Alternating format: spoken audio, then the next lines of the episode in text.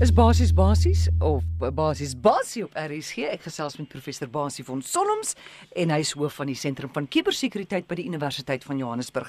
Hallo Basie. Goeiemôre daan almal. Hoe gaan met jou?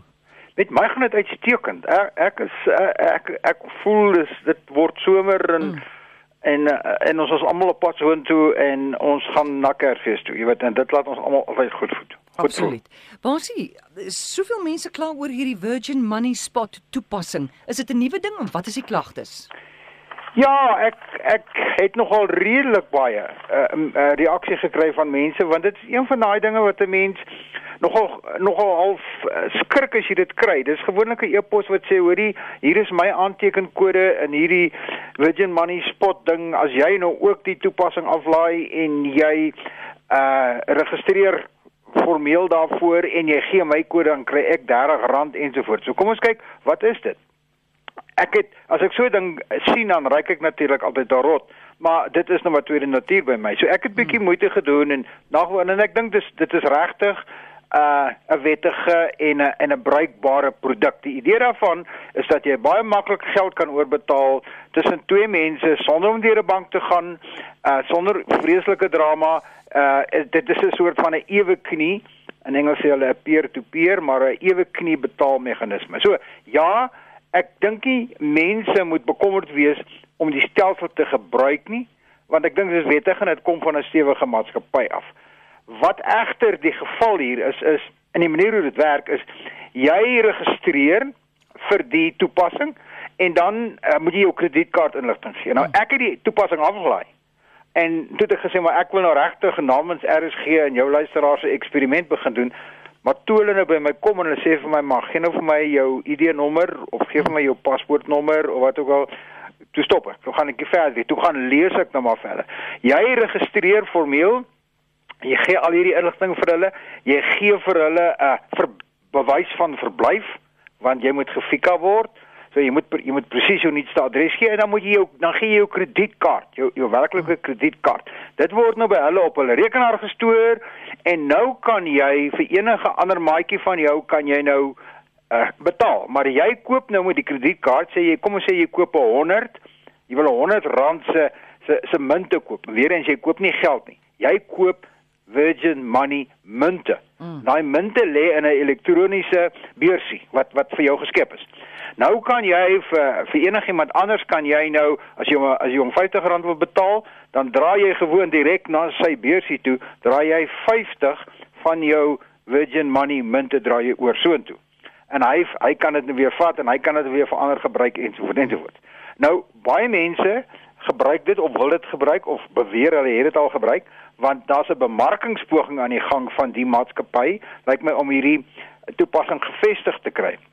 En daarom betaal hulle jou as jy registreer, betaal hulle jou 'n sekere bedrag, maar hulle betaal jou in Virgin Money munte wat in jou elektroniese beursie ingaan nadat jy geregistreer het. Nou, nou is die mense se vraag natuurlik en soverre, jy weet ek is alles is alles bo kan die tafel. Daar's niks niks onder die tafel wat ek kon agterkom nie. Die volgende ding is nou, nou sê jy, okay, ek het nou 'n klomp geld, 'n klomp munte in my elektroniese beursie, hoe kry ek dit uit? Nou daar's die volgende ding. Nou moet jy jou bankrekening besonderhede vir hulle gee. Mm. Want hulle betaal daai geld nou in jou bankrekening in. So, toe dog ek, kom ek nou net verder 'n bietjie gaan lees. So gaan lees ek die terme en voorwaardes van die produk. En ek kan jou sê dit is 'n hele paar bladsye lank. Nou, ek dink as luisteraars meer gereeld hierdie terme en voorwaardes gaan lees, gaan hulle ook maar bietjie bietjie uh, begin ryk. Hier's niks snaaks aan hulle terme en voorwaardes nie. Ek dink dis alles bo die tafel soos ek sê.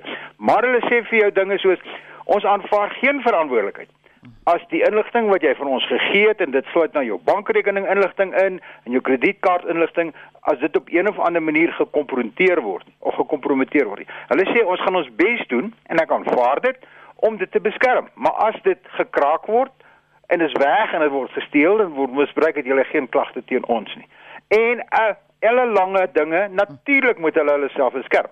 Maar om terug te kom om 'n lang storie kort te maak, die luisteraars wat hierdie e-pos kry, kan as hulle wil, as hulle die die behoefte het om 'n uh, uh, fasiliteit te skep waar jy maklik iemand anders kan betaal in Virgin Money munte, registreer daarvoor. Ek ek sien geen regtige groot uh probleme daarmee nie. Maar jy gaan net hierdie persoonlike inligting moet gee, jy gaan die risiko moet dra dat as hulle gekraak word, wat ek betwyfel want ek dink dit is 'n gevestigde maatskappy, dan dan gaan jy die gevolge daarvan dra. As jou elektroniese uh beursie gekraak word en die 100 of 1000 uh munte wat jy versamel het, dit word gesteel, aanvaar hulle geen verantwoordelikheid daarvoor nie en dis weg.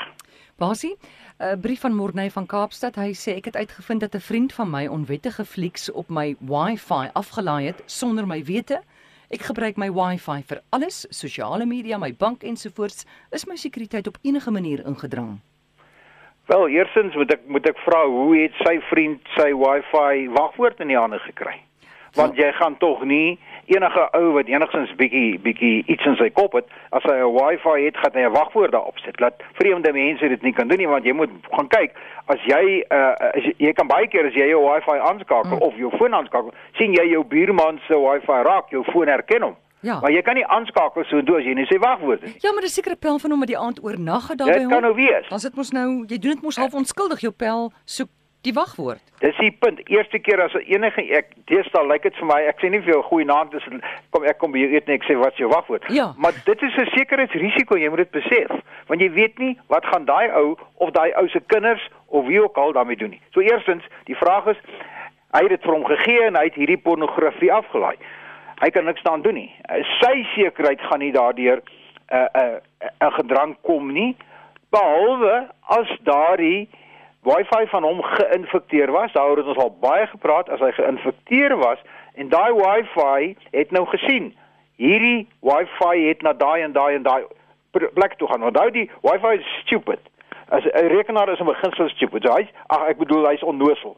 Ehm um, hy gaan nie weet dit is nie jou die die regte eienaar nie. Hy sien o hierdie hierdie Wi-Fi behoort aan hierdie eienaar hierdie inligting is afgelaai, as dit geïnfekteer word, dan gaan hy môre na jou toe terugkom en sê hoe jy het na hierdie webwerwe gekyk, jy het hierdie inligting afgelaai en nou gaan ek jou 'n losprys van jou eis. So daai risiko is groter as wat 'n mens dink. Sy sy sy sy veiligheid of sy sekerheid dink ek is geïmpakteer daardeur want hy kan die gevolge dra van hierdie vriend van hom wat weggeloop het. En en hy is die eienaar. So is dieselfde as iemand met jou kar ry. Jou kar jy gee jou kar vir iemand en maak 'n ongeluk, jy is altyd jou kar. Goed, Basie, kom ons praat oor Swart Vrydag en Kiber Maandag. Watter waarskuwings het jy vir ons? Nou kom ons sê eers wat is dit? Dit is 'n tradisionele ding. Die kwessie van Swart Vrydag is iets wat al jare lank uh, dit kom van Amerika af. Dit is die dag net na die Amerikaners se Dankseggingsdag. En dit is amper die eerste soort van begin van die Kersaankope. Hierdie jaar val uh die danksegingsdag, die Amerikaanse danksegingsdag op die 22ste November, is 'n donderdag. Is altyd op 'n donderdag lyk like dit my. Dan Swart Vrydag is die 23ste. Dan begin die winkels uitverkopings maak en die ouens staan al dwars hierdie nag toe. Nou die nuutste ontwikkeling daarvan en, en daaroor het mense ook al ge, uh, gepraat, is dat die maandag daarna is nou Kibermaandag. Dan is daar al hierdie verskriklike aanbiedings aanlyn op die internet. En en die ding begin al amper 'n week voor danksegging begin hierdie aanbode aanbiedings sal kom. En as jy mooi gaan luister, luister dan van die van die kommentators en my opinie is ook dis eintlik al 'n vroeë Kersfees vir die rotte. Want hulle vang jou daarmee. Jy gaan 'n e-pos, jy gaan 'n rond soek en kom ons sê jy wil 'n nuwe stoom ken jy nou, wat is dit 'n stoompot, die goed wat my vrou gebruik. Die 'n stoompot koop. Dan en jy gaan nou jy soek op internet en jy kry hier's 'n baie goeie aanbieding vir 'n stoompot en jy bestel hom, maar dit is 'n is 'n nagemaakte webwerf. Jy gaan jou kredietkaartinligting insit en jy gaan dit verloor, dit gaan misbruik word. So weer eens, dieselfde waarskuwing wat 'n mens kan gee vir gewone aanlyn aankope wat waarvan ek 'n klomp e-posse gereeld kry van mense sê ek het hierdie ding bestel, dit was 'n baie goeie koopie geweest. Ek het dit nooit gekry nie en my kaart is gedebiteer en ek het niks uitgemaak nie.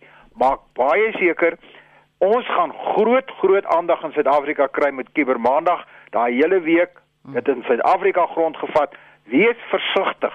Moenie sommer net op daai aanbod reageer nie. Was die kans is baie goed dat dit 'n fop aanbod is en, en jy gaan soos 'n fop voel as as jy as jy daarvoor val. Goed, om gou vinnig terug te kom na daai ou wat vir sy pel sy Wi-Fi uh, mm. wagwoord gegee het. Ehm um, iemand sê Jy kan 'n 'n 'n gasheer user, 'n host user skep wat apart is van jou eie Wi-Fi. As jy iemand het wat by jou oornag en hulle soek jou wagwoord. O ja, jy, dit kan jy doen. Baie mense baie min mense doen dit. Maar in, in die laaste instansie moet jy onthou, jy jy skep vir hom 'n uh, gaswagwoord, so jy gee nie vir hom jou werklike Ja. wagwoord nie. Dis 'n goeie idee, my moet onthou nog altyd. Daai ou teken nog altyd aan na jou Wi-Fi punt toe.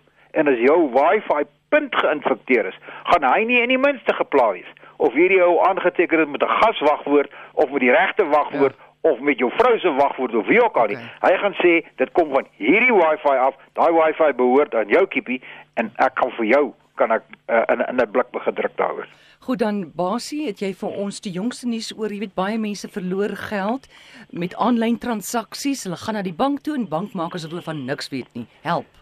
Ja, dis 'n ou storie. Ons kom al lankal daaraan en en en en en ek weet baie van die luisteraars uh, het baie geld verloor met aanlyn banksaake. Uh, daar's baie mense wat baie baie hard, baie seer gekry het, maar daar's ook baie mense wat gereageer het en hulle klagte na prokureurs toe gevat het.